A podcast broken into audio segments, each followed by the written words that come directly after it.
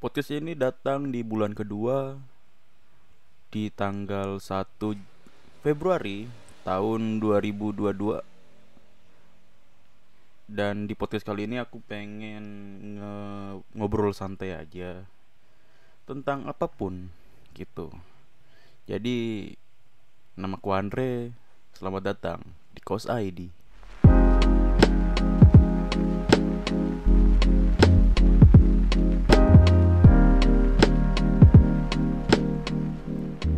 hari ini itu tepat uh, hari raya Imlek 1 Februari. Jadi buat kalian yang rayain ya selamat berbahagia lah itu turut berbahagia juga. Karena uh, apa namanya aku cewekku itu uh, kakek neneknya dari bapaknya itu orang Tionghoa juga lah ngerayain Imlek juga lah gitu. jadi kalau misalnya uh, waktu sebelum pandemi itu aku sering gitu. Kalau Imlek aja itu pergi ke sana buat ya menerima angpau. Hanya itu serunya. Sisanya agak sulit gitu deh karena tidak relate gitu. Tapi nggak masalah juga. Dan apa aku juga sempat tinggal selama beberapa tahun di Samarinda kota yang di mana uh, penduduk Chinese-nya juga lumayan banyak gitu dan teman-teman gue banyak juga yang Chinese. Jadi kalau mereka apa ngerayain Imlek gitu aku diundang gitu. Ya walaupun muka aku nih uh, apa ya uh, orang Indonesia banget gitu pribumi banget lah. Cuma apa mereka ini bener-bener menerima siapa aja gitu yang datang itu bukan masalah angpaunya ya memang apa namanya uh, toleransi nggak tahu sih itu apakah itu disebut toleransi karena aku datang hanya untuk ya ikut apa ya ikut meraya membangun suasana aja gitu. Tidak ada unsur lain itu dan sorry ini aku mungkin rekamnya nggak pakai diedit ya. Ada sih diedit gitu. Mungkin ngurangi noise nya aja atau uh, motong apa kalimat-kalimat yang nggak sengaja terucap gitu ya buat demi keamanan diri sendiri dan uh, bentar bentar. Aku ambil sesuatu dulu.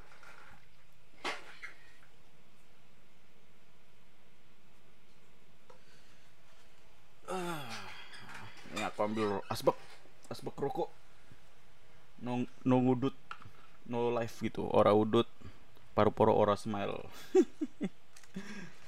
Iya, aku kalau ngerokok tuh apa ya? Tujuannya hanya untuk ini apa sih namanya untuk entah kenapa pikiran jadi plong gitu. Nggak tahu ya. Jadi dulu waktu masih kecil dulu uh, bapakku kan ngerokok gitu. Almarhum bapakku itu ngerokok. Dan aku selalu bertanya gitu pak kenapa sih apa sih enaknya rokok? gitu. Kan cuman sekedar apa namanya ya kayak di baru dikeluarin lagi kayak gitu gitu tuh. Dan bapakku bilang ya memang nggak ada rasanya gitu cuman nyaman aja buat ngerokok gitu. Dan aku masih bertanya saat itu. Mungkin masih bocah kali ya masih SD masih kelas 1 kelas 2 gitu. Dan akhirnya ada satu hari di mana mungkin aku kelas 5 SD gitu uh, aku datangin bapakku pak boleh nyobain rokoknya sedikit nggak? Gitu.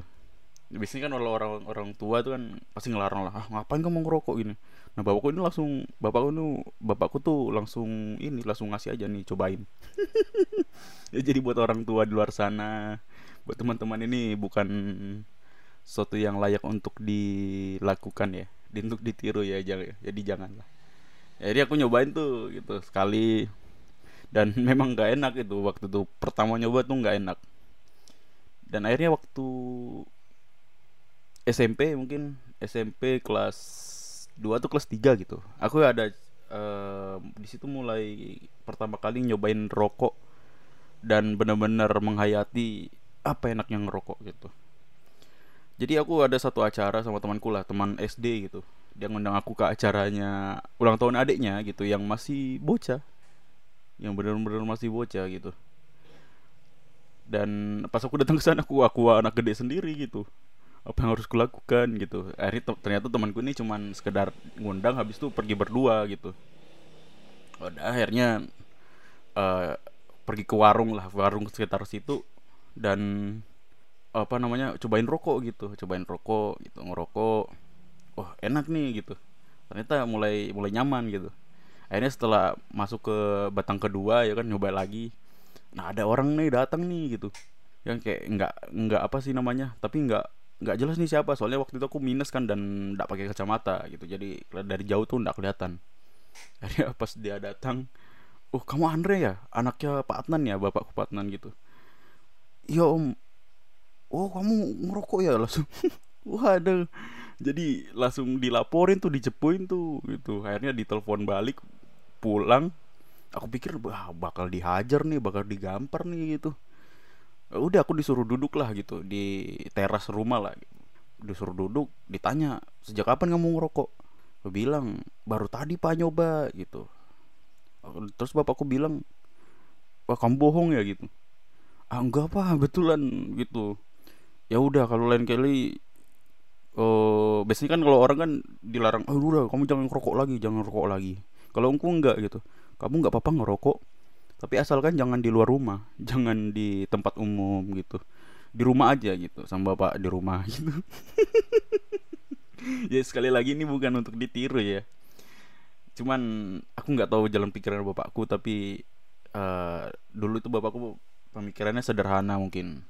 Karena aku anak cowok dan mungkin aku suatu hari nanti ada kemungkinan juga aku bakal ngerokok. Jadi uh, untuk saat ini ya bapakku mikirnya ya udah biarin aja ngerokok gitu. Yang penting jangan di luar dulu karena aku masih kecil. Takutnya orang nanti mikirnya aku anaknya nggak dirawat gitu ya. Dibiarin ngerokok gitu. Jadi ya beneran aku tapi setelah hari itu aku diceramahin ya kan? Nggak dimarahin sih cuma dikasih tahu aja untuk tidak ngerokok di luar lagi. Tapi kalau mau ngerokok di rumah ya ini apa namanya aku nggak pernah ngerokok lagi setelah hari itu gitu. Ya kalau walaupun bapakku di luar gitu ngerokok aku nggak ada niatan untuk ngerokok. Karena waktu itu aku posisinya belum candu juga. Hingga akhirnya di kelas 1 SMA itu sering lah nongkrong sama teman-teman sekolah gitu kan. Dan teman-teman sekolahku juga ternyata banyak yang ngerokok gitu kan dan aku pikir sih ngerokok tuh keren dulu. Keren gitu. Awalnya jadi aku kayak ikut-ikutan ngerokok sama di mereka gitu. Jadi ada satu acara satu acara di mana uh, selama seminggu atau dua minggu gitu uh, kita mempersiapkan acara pentas seni atau kerajinan gitu dulu. Ya namanya bulan bahasa lah gitu di sekolahku nah itu selama dua minggu tuh kita ngumpul terus dan banyak temanku yang ngerokok dan akhirnya aku ikut ikutan ngerokok lah sama mereka. Dan setelah dua minggu itu aku kayak mulai merasa kayak wah rokok nyaman juga ini ndak bisa lepas dari dari rokok juga gitu. Ini waktu itu ada satu hari di mana bapakku tuh lagi duduk-duduk di luar gitu lagi ngerokok lagi ngopi lah gitu. Dan uh, apa namanya aku mintain rokok gitu pak minta rokok dong ngerokok itu biasanya kan orang tua nanya nanya gitu e, kok tumben kamu ngerokok? gitu. Ya kan tumben. Ini enggak langsung dikasih aja nggak ada basa-basi gitu. Ngerokok di luar di depan gitu. Coba ditanyain gitu apa kegiatan sekolahmu? Itu kan ada PR PRmu udah pada dikerjain belum? Kayak gitu pertanyaan-pertanyaan basa-basi kayak gitu. Nggak ada pertanyaan-pertanyaan kenapa kamu ngerokok lagi ya seputar itulah soal rokok lah akhirnya setelah itu uh, jadi candu lah sama rokok. Sempat pindah ke vape juga waktu kuliah tapi uh, aku ngerasa kayak uh, kayaknya rokok lebih menyenangkan kayak feelnya lebih dapat itu. Karena waktu aku kecil tuh selalu ngira gini orang ngerokok itu tujuannya apa sih? gitu. Apakah hanya sekedar candu? Apakah sekedar apa gaya hidup? Gitu aku pernah nanya bapakku sekali gitu. Di di, di aku nggak tahu itu usia kapan. Pak kenapa sih uh, ngerokok? Oh tadi sudah ya? Iya kayaknya masih bocah banget ya. Ngerokok tuh sebenarnya selain nyaman tuh apa sih itu? Katanya bisa ngilangin stres gitu. dan aku nggak ngerti juga itu gimana maksudnya ngerokok ngilangin stres gitu. Padahal banyak cara untuk ngilangin stres. Kayak ya lo kamu main game pergi jalan-jalan gitu pergi pacaran. Ya pacaran kadang bikin stres juga sih tapi ya itu juga salah satu solusi untuk mengurangi stres gitu dan banyak hal lain lah gitu. dan aku baru baru tahu ngerokok juga ngilangin stres. Mungkin yang nggak ngerokok ini nggak bakal relate sih. Uh, ngerokok itu bisa ngilang, ngilangin stres apa enggak dan aku saranin untuk jangan coba-coba lah gitu. Maksudnya jangan uh, kalian stres gitu kan tapi nggak ngerokok gitu setelah kalian dengerin aku bilang apa ngerokok ngilangin stres kalian ngerokok gitu. Ya lebih baik kalian cari alternatif lagi lain lagi aja lah. Karena aku kebetulan ngerokok dan setelah dewasa memang setelah masuk kuliah lah. Itu benar-benar ngerasain dampaknya bukan masalah kesehatan ya tapi masalah uh, apa ya otak gitu lah. Termasuk kesehatan juga gak sih maksudnya kayak stres-stres itu otak tuh jadi encer aja gitu buat ngerokok gitu. Ya nggak tahu sih. Ya mungkin ada teman-teman yang bilang wah itu mah pem, apa ya uh, pembelaan orang-orang yang tidak mau berhenti merokok aja bah itu ya sebenarnya terserah kalian sih gitu mau ngejudge orang ngerokok seperti apa. Tapi orang ngerokok selalu punya alasannya sendiri kenapa mereka tidak berhenti oh ya sorry kalau misalnya ada suara-suara motor atau suara-suara kursi cekicit cekicit ya. Aku bikinnya tanpa di ruang kedap suara gitu. Cuman pakai kipas. Sebenarnya di kamarku ada AC gitu. Iya sombong ya. Tapi dulu waktu kecil apa ya aku eh, nggak uh, bisa hidup tanpa uh, eh, AC gitu. Jadi pengen di mana mana AC gitu. Bahkan aku bersyukur juga uh, dari SMP sampai SMA sekolahku tuh AC gitu. Ada AC-nya walaupun ya kadang mati satu kadang nggak nyala sama sekali gitu. Ya kan tapi betul-betul nggak bisa hidup tanpa AC lah gitu. Dan zaman kuliah pun pakai AC juga. Tapi semenjak kuliah itu kan aku ngekos lah gitu. Dan kosanku juga bukan kosan-kosan mahal lah ya di bawah satu juta gitu. Dan ya cuma pakai kipas doang. Awalnya tuh kayak apa ya kayak kurang gitu pengen punya AC gitu. Sampai mau beli ini apa sih namanya kayak AC portable lah yang dikasih es batu itu akhirnya setelah setahun dua tahun ngekos gitu pakai kipas. Dan alhasil nyaman aja gitu. Dan bahkan akhirnya itu uh, mengubah pola hidupku di mana aku dulu pencinta AC banget gitu tapi sekarang aku malah menghindari AC justru aku kalau misalnya pakai AC tuh mungkin satu dua jam masih oke okay lah. Tapi kalau udah dalam waktu yang lama tuh eh, nggak uh, tahan banget lah gitu. Jadi sayang lah. Mending pakai kipas kalian kan. Ya begitulah namanya juga. Dan pola makan kita juga gitu. Tak ada entah kenapa kalau di kosan selalu aja apa ya uh, dulu waktu awal-awal ngekos tuh dikasih uang lima ratus ribu per dua minggu lah. lima ratus ribu dua per dua minggu dan orang tua bilang kalau bisa buat sebulan gitu. Tapi aku habisnya itu mungkin dua minggu kurang gitu karena tiap hari jajan apa pagi beli sarapan beli beli siang beli malam beli. Akhirnya ya itu cuma buat makan aja udah seminggu aja udah udah banyak habisnya gitu. Apalagi buat yang lain-lain kan. Akhirnya uh, setelah itu aku mikir uh, gimana kalau aku masak sendiri gitu. Masak sendiri ya beli beli tempe beli tahu. Sebenarnya aku nggak ada masalah ya sama mau makan apa aja gitu. Maksudnya aku nggak harus uh, makan makanan yang mewah gitu. Karena aku ya masih bersyukur lah kalau soal makanan lah yang penting ada dimakan masih kenyang oke okay lah gitu. Dan akhirnya uh, karena dulu aku awal kuliah tuh kan ngontrak ngontrak gitu berdua sama temanku. Jadi apa namanya kita alhamdulillahnya punya kalian masak masing-masing gitu ya. Walaupun hanya sekedar goreng menggoreng. Dan apa namanya akhirnya oh, uangku yang 500 ribu itu bisa terhemat gitu. Jadi se mungkin dua minggu tuh seratus ribu baru habis. Beras dikirim dari rumah sorry. Beras dikirimin dari rumah gitu. Gula kebutuhan-kebutuhan dapur dari rumah jadi semuanya iya dari rumah gitu. Biarpun uang jajan dari rumah. Ngapain sih anjir? Ya ini buat anu aja sih tips buat ya kalian yang masih kuliah di awal-awal gitu ya by the way tentang kuliah gitu. Uh, aku tuh kadang banyak nemu ses, apa namanya ya kayak keresahan orang-orang di media sosial gitu. Soal apakah ikut organisasi itu penting apa enggak? Ya jawabannya ya tergantung tergantung kalian. Kalau kalian cuma sekedar ingin ngejar sarjana cuman pengen dapatin gelar sarjana ya kan dengan IPK yang bagus ya kalian fokus aja di anu di akademik itu nggak usah ikut organisasi gitu. Tapi kalau kalian pengen cari uh, apa namanya skill baru pengen nambah relasi yang lebih banyak atau hanya untuk apa ya kayak ya sekedar keren aja ya silahkan gitu ikut organisasi gitu. Karena apa ya namanya ikut organisasi ikut organisasi itu adalah jalan apa namanya gimana sih jelasin anjir belepotan banget.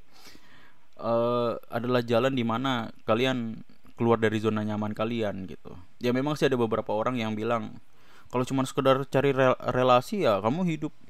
Kamu pergi cari kerja aja sambil kuliah itu juga termasuk relasi. Iya bener gitu. Sebenarnya aku, kuliah tuh apa ikut organisasi itu juga nggak ada paksaan. Kalau kalian ikut organisasi ya silahkan kalau enggak enggak kalau enggak ya sudah gitu cuman ya biasanya ada beberapa motif yang di mana orang-orang itu ikut organisasi gitu. Contohnya nih kayak aku dulu gitu. Ada satu lembaga namanya lembaga dakwah fakultas lah gitu. Ya kalau di SMA sebutannya rohis lah ya. Di mana aku tuh sebenarnya apa namanya ikut uh, lembaga itu adalah karena dipesanin sama orang tua untuk apa selalu ingat agama lah biar karena aku posisinya ngekos kan ngekos nggak ada apa namanya istilahnya keluarga yang menjaga gitu harus benar-benar survive sendiri. Jadi ya ikut disuruh ikut apa lembaga-lembaga keagamaan tapi dilihat juga gitu lembaga lembaga agamanya tuh uh, bener apa enggak gitu. Karena ada beberapa yang apa ya kayak radikal lah gitu. Beberapa ada yang radikal gitu yang istilahnya ajarannya nggak benar gitu. Tidak sesuai dengan ajaran-ajaran ulama yang kita tahu gitu. Ini tapi alhamdulillah di tempatku tuh uh, eh, LDF-nya ini apa ya bagus gitu. Maksudnya ya standar lah gitu. Memberikan apa namanya ajakan-ajakan sholat untuk orang-orang yang hidup di kampus gitu ya. Khususnya buat yang muslim ya gitu. Terus bikin apa namanya acara-acara uh, apa ya kayak ceramah-ceramah gitulah di lapangan terbuka gitu-gitu. Dan ya kegiatannya positif lah. Intinya masih maklum untuk diterima gitu kan. Dan tadi aku mau bahas apa ya? Uh, oh iya.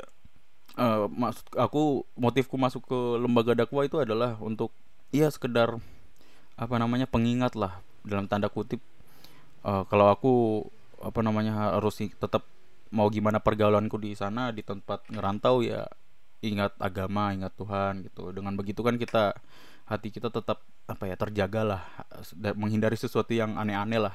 Ya bukannya sok religius gitu cuman istilahnya karena kalau bisa menjaga hati dengan cara seperti itu ya kenapa enggak gitu. Kan toh nggak ada salahnya juga gitu ikut uh, eh, LDF lah gitu.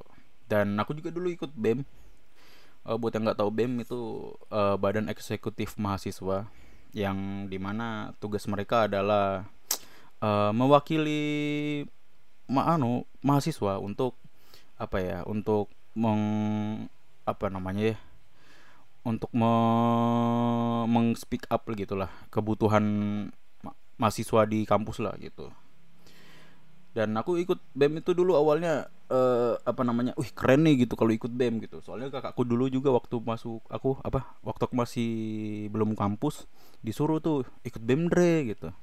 Keren tuh itu. Ya ke bem itu kalau misalnya di mana di sekolah itu osis lah gitu jatuhnya. Dan ya memang seru sih ikut bem gitu. Awal-awal uh, apa namanya agak agak bimbang juga karena uh, seleksi di tempatku itu agak lumayan berat gitu ya. Kan harus bikin KTI atau karya tulis ilmiah dulu habis itu wawancara gitu. Dan aku ya pengen join ke situ ya karena ingin belajar ke, pemimpinan gitu bukan diseleksi kayak uh, kamu mau ikut apa namanya uh, beasiswa lagi gitu. Tapi ya akhirnya setelah keterima masuk bem gitu. Dan banyak yang terjadi gitu. Istilahnya kayak dulu aku tuh uh, buat kalian ya ini buat kalian yang kayak masuk kampus pengen uh, apa namanya public speakingnya bagus mau uh, belajar kepemimpinan mau banyak relasi yaitu BEM itu adalah salah satu organisasi yang cukup aku rekomendasikan untuk kalian ikut ya kan walaupun nanti apa namanya banyak politik-politik yang terjadi gitu ya tapi ya ikutin aja gitu. Karena dengan ikut BEM juga kalian bisa kritis gitu terhadap apa namanya eh, kebijakan-kebijakan kampus atau kebijakan kebijakan pemerintah. Kalian tahu harus harus melakukan apa ketika ada sesuatu yang salah ada sesuatu yang tidak adil gitu. Ya jadi ya apa ya kalau istilahnya ada sesuatu yang bisa kalian dapatkan selain di mengikuti uh, pelajaran akademik gitu. Di luar akademik lah maksudnya. Gitu teman-teman. Lalu apa lagi ya? Tadi aku nyalain rokok dulu. Dari tadi aku pegang mulu anjir.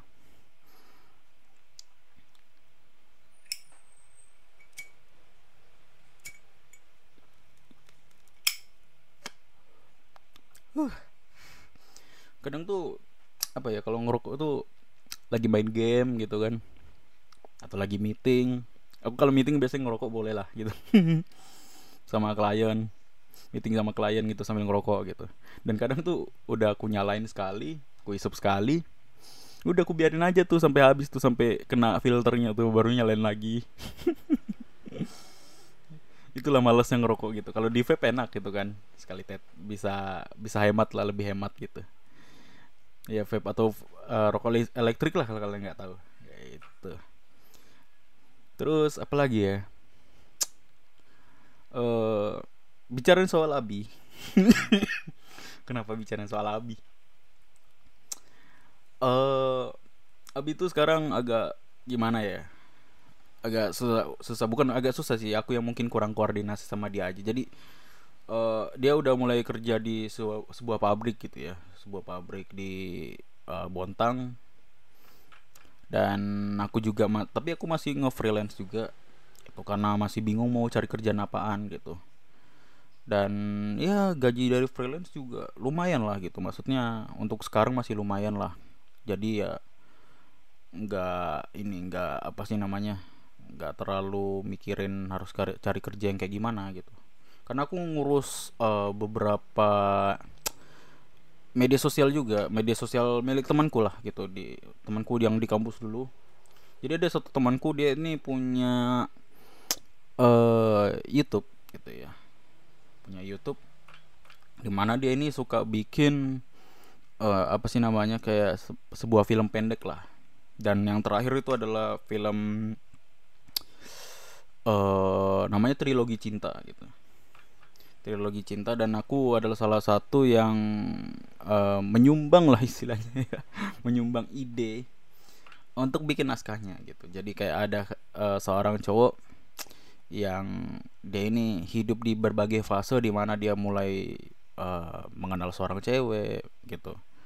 Mengenal sahabat si ceweknya ini mengenal teman si cewek ini gitu. Mengenal orang-orang uh, terdekat si cewek ini sampai mengenal orang tuanya si cewek ini Terus sampai jenjang di mana dia menikah gitu.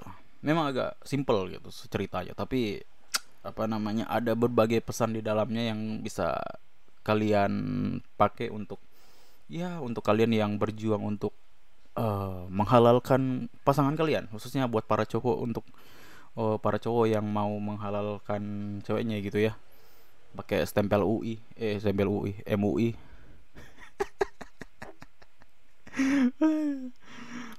ya di bawa ke KUA lah anjir. Masa dipakai stempel MUI halal. Dan itu apa ya aku selama perjalanan bikin naskah itu mungkin cuman sekitar nggak sampai dua minggu lah bikinnya gitu. Dan bikinnya juga apa namanya itu benar-benar bikin naskah itu nggak sama sekali nggak kita nggak pernah ketemu. Aku ada satu tim sekitar tiga orang termasuk aku dan kita nggak pernah kita cuman bertukar-tukar apa namanya uh, PDF gitu ya untuk saling merevisi dan menambahkan cerita. Akhirnya jadilah uh, sekarang masih proses syuting. Dan aku ndak ikut turut di dalamnya karena menurutku itu agak bukan bagianku lah. Sebenarnya aku uh, basicku adalah di videografi dan fotografi tapi uh, karena aku sudah lama tidak mengasah skill-skill itu. Jadi ya aku tidak turut ikut. Padahal kemarin sempat diundang gitu ya iya. Sempat diundang betulan sempat diundang tapi ya aku bilang karena syutingnya juga apa ya di aku kan sekarang posisinya di Bontang nih. Dan mereka itu di Samarinda tuh di Tenggarong gitu. Di mana ya? Oh di Tenggarong di Tenggarong. Dan apa ya aku malas juga ke sana tuh karena entah kenapa itu akhir-akhir ini tuh lebih senang di rumah gitu daripada pergi-pergi gitu. Nggak tahu ya atau apakah uh, masalah usia atau apa gitu. Pokoknya lebih senang di rumah aja lah gitu. Dan karena ini sekarang musim hujan juga jadi apa ya lebih enak tidur tidur tidur tidur. Aduh tidur dan menikmati kesunyian. Ya jadi tidur itu adalah uh, kegiatan yang paling disukai oleh semua orang gitu semua makhluk hidup di dunia ini gitu ya. Bukan disukai sih memang itu bagian dari hidup kita tidur gitu untuk mengistirahatkan pikiran kita mengistirahatkan visi kita gitu. Tapi terkadang tidur itu pas kita mau tidur gitu ya itu malah uh, bikin kita overthinking gitu terhadap banyak hal. Kayak apa namanya uh, kepikiran soal deadline padahal deadline juga masih jauh gitu. Atau enggak ini apa namanya kesibukan sehari-hari ini bagaimana nanti ke depannya gitu. Cara menghadapi orang lain kayak gimana gitu. Ya kan yang sebenarnya itu nggak nggak penting-penting banget gitu. Itu atau enggak ini apa sih namanya kadang apa ya jadi keinget mantan lagi yang udah harusnya udah terlupakan 2-3 tahun yang lalu gitu. Keinget lagi gitu. Jadi kadang overthinking orang mau tidur tuh sesuatu yang sebenarnya nggak terlalu apa ya nggak terlalu urgent gitu nggak terlalu penting gitu. Dan ada satu waktu nih aku uh, adalah hari di mana aku menyesal untuk tidur gitu. Maksudnya menyesal untuk memutuskan untuk tidur gitu pas lagi di Samarinda lagi ada cara uh, buk semacam hiking tapi di gunung. Naik motor hiking di naik motor gitu. Itu ada satu nama tempatnya uh, Batu Putih waktu itu. Batu, Batu Putih dan aku sama teman-temanku lah gitu sekitar 12 orang atau 13 orang lah. Pergi ke atas sana dan ya udah kita ngumpul kayak orang-orang camping pada umumnya gitu e, nyiapin bakaran gitu siapin makanan main kartu bercanda-bercanda. Tapi di situ setelah apa namanya kan acara pertamanya makan-makan dulu lah gitu. Setelah makan-makan aku memutuskan untuk tidur gitu. Karena tempatnya coba apa lumayan dingin lumayan nyaman gitu. Akhirnya tidur gitu sampai subuh. Sampai subuh dan paginya kita pulang paginya jam-jam 7 jam-jam 8 itu udah pulang. Dan aku di situ menyesal sekali. Anak acara utamanya di malam hari. Dan aku malah milih tidur. Tapi ya itu uh, salah satu kenapa apa ya aku senang tidur gitu. Itu berarti aku tidak bisa membohongi diriku sendiri kalau aku suka tidur. Dan apa ya kadang juga uh, entah kenapa kalian pernah sih lihat meme yang ini apa sih namanya yang ada ada cewek gitu ya lagi tidur udah pas merem gitu good night gitu. Tiba-tiba otaknya ngomong gitu eh ending One Piece kayak gimana sih? gitu. Tiba-tiba si ceweknya ini melek. Iya juga ya. Itu kan overthinking kita itu kadang-kadang nggak nggak nggak nggak apa ya nggak eh, nggak uh, penting gitu. Tapi ya udahlah ya mungkin itulah cukup untuk uh, tidur soal tidur. Lalu mungkin uh, soal kehidupan maba lagi mungkin. Menjadi maba lagi. Eh, bingung mau ngobrolin apa lagi. Soal maba uh, waktu aku baru pertama kali masuk ke kampus itu adalah uh, ketika menent yang sejauh ku ingat ya itu menentukan uang kuliah tunggal atau SPP lah kalau di sekolah. Itu aku kan keterima di jalur uh, paling terakhir gitu yaitu mandiri. Dan uh, kan di setiap apa namanya uh, golongan uh, keter yang penerimaannya misalnya kayak undangan jalur tes tulis SBM gitu atau SNM atau mandiri gitu. Itu selalu punya golongan uh, uang UKT-nya sendiri atau SPP-nya sendiri gitu. Dan aku nih di golongan tiga itu dapat yang paling murah bayar SPP-nya atau UKT-nya itu adalah 3 juta waktu itu. Bayar 3 juta gitu. Dan ya waktu itu kondisi keuanganku juga kurang bagus lah. Akhirnya uh, ada satu kegiatan nih sebelum uh, menentukan apakah UKT apa kegiatan untuk menentukan golongan UKT apakah kita 3 juta ya paling mahal tuh 5 juta lah. Jadi ada proses wawancara gitu wawancara di mana uh, disebutnya validasi lah validasi UKT lah. Aku tuh baju wawancara itu nunggunya lama banget tuh wawancara gitu kan. Itu aku mungkin ngantri jam 9 pagi gitu jam 8 pagi itu udah termasuk telat gitu. Nggak tahu saking saking ramenya gitu. Dan hanya dan yang wawancara itu cuma tiga gitu. Dari ribuan orang yang mau validasi UKT itu cuma tiga orang yang melakukan itu. Dan sekali apa namanya sekali wawancara itu lama banget itu. Bisa 15 menit paling bentar dan waktu itu aku akhirnya apa datang tuh subuh gitu. Subuh. Itu pun juga termasuk udah telat. Tapi ya udahlah biarin aja sudah. Gitu kan. Yang penting aku validasi hari ini selesai gitu yang penting kebagian hari inilah intinya. Ya kan oh, akhirnya aku jam 6 gitu itu udah di situ jam 3 sore itu baru diwawancara bayangin aja. Gitu. Jadi akhirnya aku maju diwawancara gitu kan. Ditanya soal kondisi orang tua seperti apa ditanya soal pekerjaan orang tua gitu. Ditanya soal uh, kayak kebutuhan-kebutuhan di rumah kayak misalnya kayak alat-alat uh, kayak alat-alat kayak kulkas mesin cuci TV apakah aku punya apa enggak gitu kan.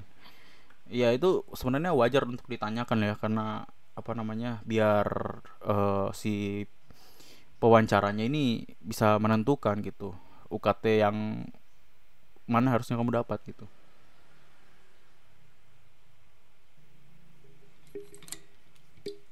Sorry sorry sorry pikir tadi ada tamu. Pikir ada tamu jadi ya jadi sampai mana ya? Oh iya sampai menentukan UKT itu eh, besar UKT itu tergantung dari kemampuan kita dari perabotan rumah tangga yang kita punya dari listrik yang kita pakai berapa watt gitu kan. Akhirnya di situ aku uh, sengaja apa ya kayak agak sedikit melas-melas lah karena aku jujur memang punya apa namanya kan ditanya punya mobil apa anda gitu kan. Jujur punya mobil gitu punya motor.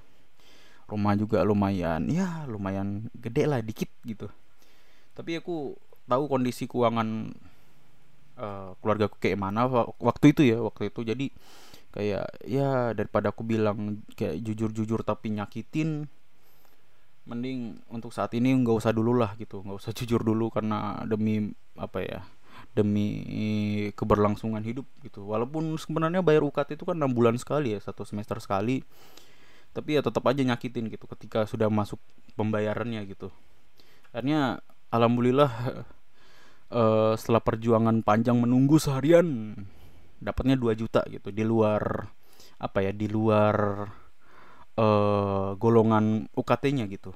Tapi masih masih bisa turun lagi gitu. Kita mengajukan apa permohonan penurunan UKT tapi itu nanti mungkin akan ada surveinya gitu. Ada survei jadi ada tim yang suatu di punya apa kampus punya satu tim di mana si anak si yang mau mengajukan penawaran penurunan UKT itu bakal didatangin rumahnya ditinjau lah gitu. Ya kan? Apakah dia layak untuk menerima penurunan UKT atau enggak gitu. Dulu aku mau ngajuin itu cuman maksudku kalau misalnya ternyata tidak sesuai gitu. Malah apa namanya malah ketahuan ini ternyata kita punya mobil punya kendaraan punya rumah yang sebenarnya harusnya apa rumah yang lumayan gede gitu. Itu malah bukannya turun malah bisa nambah lebih banyak lagi gitu. Maksudnya UKT-nya malah nambah lagi. Lebih malah bisa 3 juta atau 4 juta gitu. Jadi untuk untuk titik amannya ya aku ya udahlah biarin aja dulu 2 juta gitu jadi ada satu pengalaman di mana temanku ini dia dapat UKT itu sekitar satu juta lima ratus gitu. Dia punya UKT satu juta lima ratus dia ngajukin banding. Dan uh, banding untuk penurunan UKT gitu. Ya udah dia ngajuin lah gitu ya kan? Ngajuin. Dia juga nggak takut karena dia merasa memang nggak masalah kalau orang kampus datang ke rumahnya dia gitu. Dan rumahnya dia juga di Balikpapan gitu. Apakah orang kampus benar-benar seniat itu untuk mendatangi rumah dia di Balikpapan gitu ya. Ya udah akhirnya dia ngajuin. Dan minggu depannya itu udah turun gitu jadi sekitar 750 ribu lah. 750 ribu dan kata temanku itu tidak ada orang surveinya itu nggak ada nggak datang gitu. Jadi benar-benar kayak ya udah kamu penuhin syarat-syaratnya apa dokumen-dokumennya. Ya udah nggak ada nggak ada nggak ada embel-embel lagi gitu. Maksudnya nggak didatengin lagi sama orang-orangnya. Gitu.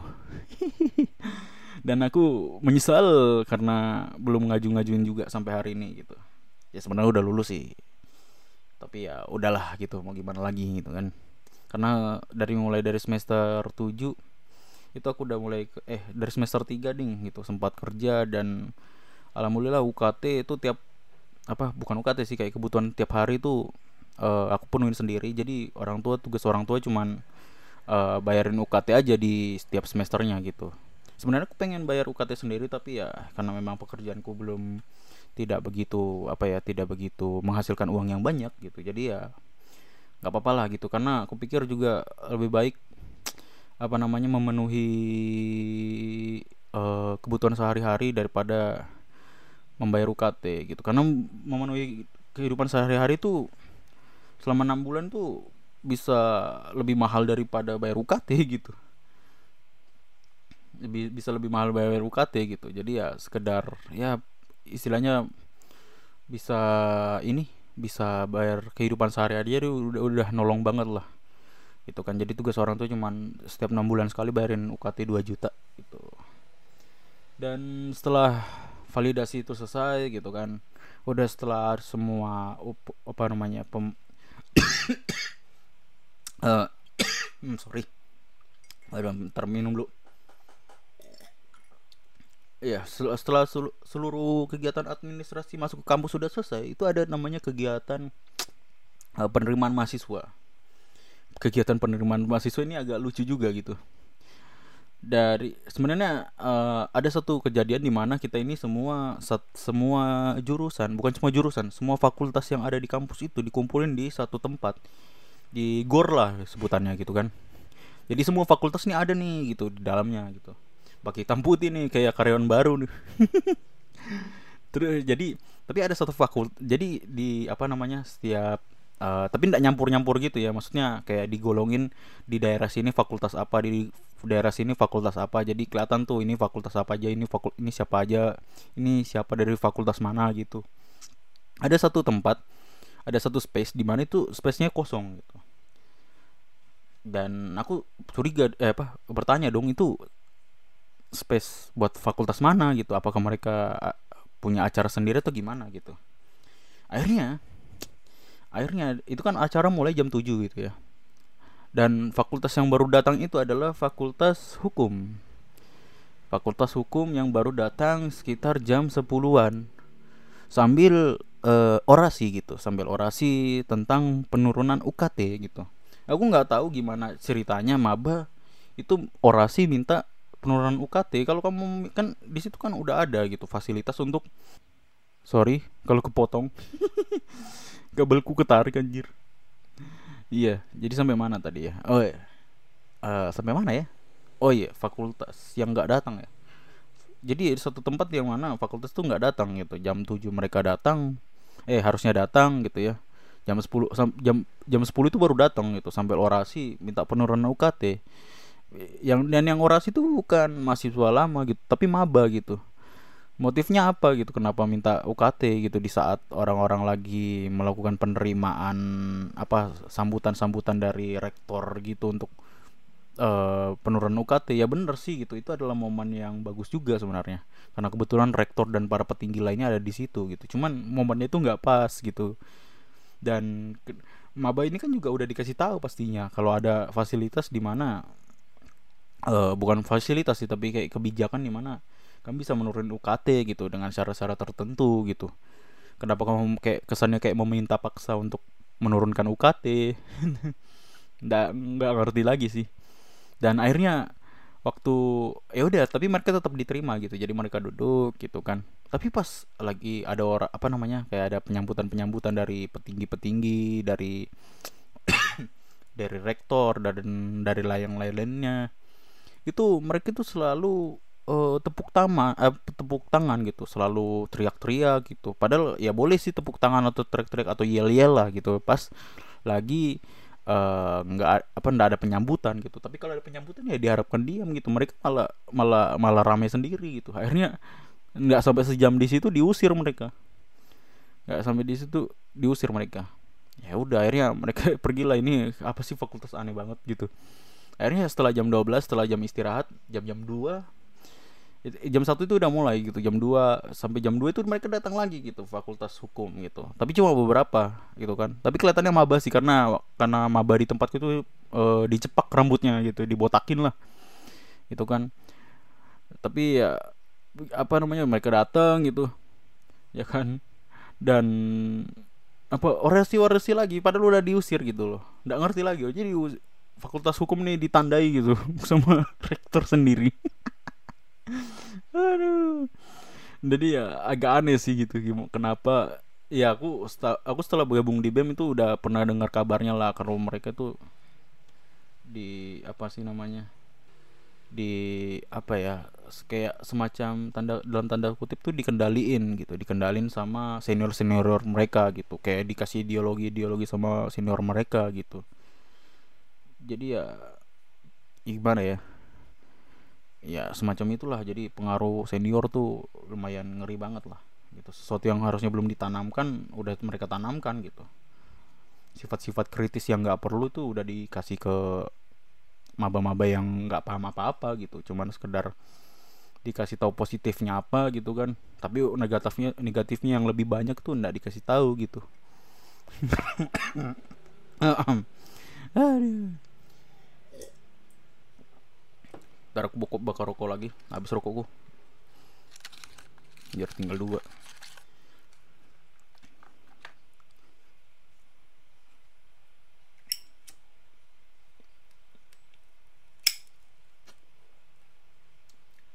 Jadi uh, Ini pas banget lah. Lagi musim hujan ya. Gak tau di tempatku musim hujan itu di, di tempatku musim hujan dan keseringan banjir gitu. Ya sebenarnya banjirnya nggak seberapa sih tapi ya cukup berdampak juga lah untuk orang-orang gitu. Nggak tahu sih apakah di tempatku ini juga di Bontang ya di Kalimantan Timur.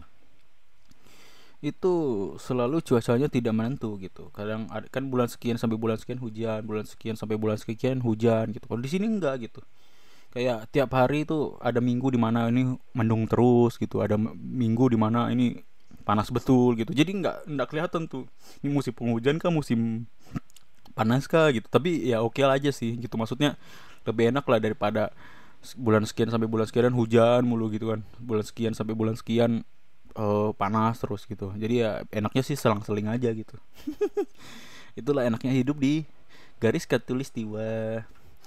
Tapi ya di musim hujan begini ya penyakit banyak bertebaran gitu. Nggak cuman ya si covid gitu tapi yang lain-lainnya juga. Kayak uh, eh, DBD uh, eh, apalagi ya uh, pokoknya demam gitu kan flu. Jadi aku pernah uh, kapan ya mungkin sekitar setahun yang lalu setahun lebih lah setahun yang lebih yang lalu itu aku terkena uh, DBD gitu. Itu adalah zaman di mana uh, orang apa namanya orang yang terkena covid itu sangat diwaspadai gitu. Jadi aku kena DBD gitu. Jadi aku awalnya demam demam biasa gitu. Demam biasa.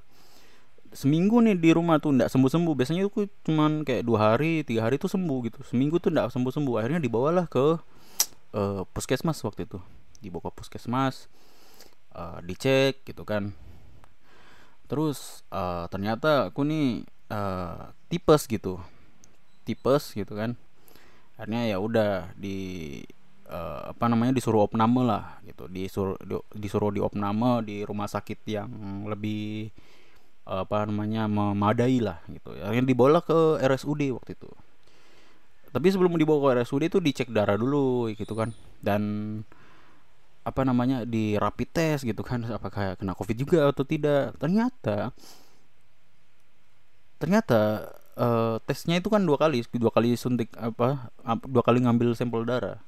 Yang pertama itu negatif yang eh, apa yang pertama itu positif yang kedua itu negatif gitu. Jadi rancu gitu. Dan waktu itu kan aku di satu ruangan satu ruangan yang di mana uh, apa namanya bukan ruangan opnam gitu ya bukan ruangan cuman sekedar ruang ruang kayak semacam ruang tunggu buat pasien-pasien yang nggak bisa duduk gitu maksudnya harus suruh baring gitu. Jadi suster-suster yang ada di dalam situ yang nge lagi ngecekin aku asik. Yang lagi iya betul tapi betulan suster-suster itu ada mungkin sekitar tiga orang atau empat orang gitu yang ngecekin. Dan itu pada panik gitu karena aku ada reaktif kok anu apa covid juga gitu. Jadi pada ini pada panik wah gimana nih gimana nih? gitu kan. Ya aku aku kalian aja panik apa lagi aku gitu akhirnya udahlah dibawa ke apa namanya dirujuk ke rumah sakit RSUD waktu itu. Di RSUD sampai sana dites lagi gitu. Dan hasilnya juga sama gitu. Di di apa namanya ada yang reaktif ada yang enggak gitu. Jadi disuruh uh, apa namanya opnam di tempat isolasi gitu terisolasi gitu. Jadi bener-bener nggak ada yang jagain nggak ada yang apa gitu. Padahal kondisiku juga apa yang nggak bisa gerak sendiri gitu. Jadi ya bener-bener apa ya kayak wah pusing lah gitu waktu itu. Sampai orang tua aku juga ibuku waktu itu pusing juga liatnya aduh gimana nih nggak ada yang jagain gitu. Tapi ya karena aku apa ya karena aku punya uh, imun tubuh yang lumayan bagus ya. Ini bukan aku yang ngeklaim ya tapi dokter yang bilang uh, jadi aku kayak masih bisa walaupun kondisiku uh, apa ya ada dulu ada ada sebutannya ukuran darahnya itu rendah gitu. Tapi kon, apa di kondisi darahnya yang segini harusnya kamu pingsan gitu. Cuman uh, karena imunmu bagus jadi kamu masih bisa banyak gerak gitu. Maksudnya masih bisa beraktivitas seperti biasa gitu. Akhirnya ya di situlah aku masuk om nama ya kan sendiri gitu nggak ada yang jagain gitu jadi makanan atau apa gitu yang diantar dari rumahku ya dititipin ke resepsionis gitu. Nanti dianterin gitu pas di jam-jam tertentu karena apa namanya perawatnya atau dokternya nggak bisa setiap jam atau setiap kita panggil tuh harus datang gitu. Jadi jam-jam tertentu aja karena ya pertama mereka harus pakai APD dulu lah gitu. Dan ya karena itu ruangan khusus pasien yang kena covid mungkin jadi ya nggak bisa selalu berinteraksi gitu jadi aku di sana cuman itu aku masa proses penyembuhanku yang menurutku ya itu cuma tiga hari aja udah sembuh di sana. Dan aku ditahan selama dua minggu di sana gitu. Dan dan pulang pun itu disuruh apa namanya uh, isolasi lagi gitu isolasi di mandiri di rumah gitu. Tapi aku bodoh amat sih. Maksudku kayaknya aman-aman aja deh. Dan ya dan sampai hari ini pun keluargaku aman-aman aja gitu dan waktu itu kan sempat di ini di tes swab gitulah di tes swab uh, di hari terakhir gitu kan. Nanti dicek lagi. Nanti aku udah kelu di tes swab waktu itu. Dan swabnya itu nggak nggak instan gitu. Maksudnya uh, berapa belas menit langsung jadi gitu. Jadi kayak nunggu sehari lah. Jadi tapi aku disuruh pulang dulu. Disuruh pulang dulu kan. Disuruh pulang dulu. Nanti hasilnya nanti di, di telepon lah gitu. Dan hasilnya itu pun nggak pernah keluar gitu nggak tahu kenapa gitu apakah uh, salah dikirim atau gimana. Karena di zaman itu karena maksud maksudnya di waktu itu uh, sekarang kan swab itu bisa di mana aja gitu. Kamu panggil uh, perawatnya ke rumah pun bisa gitu. Tapi di, di tahun 2000 sebelum 2000 apa? Sebelum 2021 itu tes swab itu kan uh, terbatas lah kalau di Kalimantan. Nggak tahu di luar Kalimantan ya. Kalau di sini kan terbatas kayak orang Bontang itu harus ini apa sih namanya harus tes swabnya itu dibawa keluar dulu dibawa keluar Samarinda ke keluar kota gitu ke Samarinda untuk dilakukan diteliti baru dibawa hasilnya nanti dibawa pulang lagi. Itu pun ngantri juga gitu. Jadi ya ya aku ndak nyalain rumah sakitnya sih kenapa nggak dikasih. Tapi ya dan karena aku merasa kayak apa ya aku merasa kayak ya aku mencoba untuk memahami aja lah gitu. Tapi alhamdulillah nggak pernah kenapa-napa sih semenjak hari itu. Tapi uh, sekarang varian baru udah keluar gitu. Varian baru udah keluar.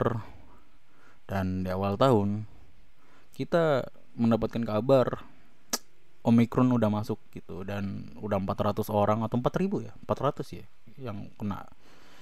Dan orang sekarang tuh apa ya butuh dosis ketiga gitu buat ini apa sih namanya untuk melakukan penjagaan gitu. Dan katanya sih apa ya efek sampingnya agak lebih keras sih tapi ya nggak sampai membunuh lah. Ya itu buat kalian yang percaya covid apa enggak kalian mau divaksin apa enggak ya terserah kalian sih. Yang penting kita jangan sampai apa ya paham-paham kita kita sebarin ke orang gitu. Maksudnya kalau kamu nggak percaya covid ya udah kamu simpan aja untuk dirimu sendiri gitu. Orang yang covid juga cuman menghimbau aja covid itu ada gitu. Tapi mereka nggak nyuruh kamu untuk percaya gitu. Tapi mereka hanya mengatakan apa yang mereka percayai gitu. Ya semacam apa ya semacam agama lah gitu. Yang satunya minta kamu percaya Tuhan mereka yang satunya kamu yang apa namanya minta juga kamu percaya sama Tuhan mereka jadi ya agak agak gimana gitu. Tapi ya itulah. Jadi ya kalau buat kalian kalau misalnya kalian masih uh, uh, mencoba untuk survive gitu ya. Mencoba untuk survive di omikron ya silakan vaksin. Silakan vaksin gitu. Tapi kalau enggak ya sudah nggak masalah gitu. Ya kan toh yang nanggung apa namanya menanggung kalian sakit apa enggak ya bukan orang lain ya diri kalian sendiri gitu. Jadi ya ya stay safe aja lah. Stay safe di rumah gitu ya lalu apalagi ya? Ya mungkin itu aja dulu. Ngobrol-ngobrol santai karena hari ini aku gabut gitu ya. Hari ini gabut dan ini juga menjadi podcast pertama uh, kos ID di bulan eh di tahun 2022 karena aku khawatir kalau ke depannya itu kot apa kos ID bakal hang apa namanya uh, apa namanya uh, pensi bukan pensiun sih kayak pamit bentar gitu dan tak kembali kembali tidak ada klarifikasi apa apa gitu ya. Karena kita pada dasarnya aku sama Abi itu bikin podcast I, apa kos ID itu bukan untuk cari uang atau semacamnya hanya sekedar menyampaikan keresahan gitu. Dan aku juga nggak mau kos ID itu jadi apa ya jadi uh, liburnya terlalu lama gitu. Nggak ada aktivitas apa-apa gitu. Seolah-olah kayak kita itu bikin podcast ya hanya ikut-ikutan doang. Sebenarnya nggak juga sih kita ya cuman bukan ikut-ikutan kita faktor uh, atas dasar keresahan. Kalau ada keresahannya kita buat kalau nggak ada ya udah kita nggak buat sama sekali gitu. Cuman ya karena ini awal tahun jadi aku ya nggak apa-apa lah sekali bikin lah untuk kemaslahatan podcast ini gitu sekalian. Aku ingin mengucapkan uh, selamat tahun baru selamat merayakan imlek bagi yang merayakan. Dan sampai jumpa lagi di podcast berikutnya. Sampai jumpa.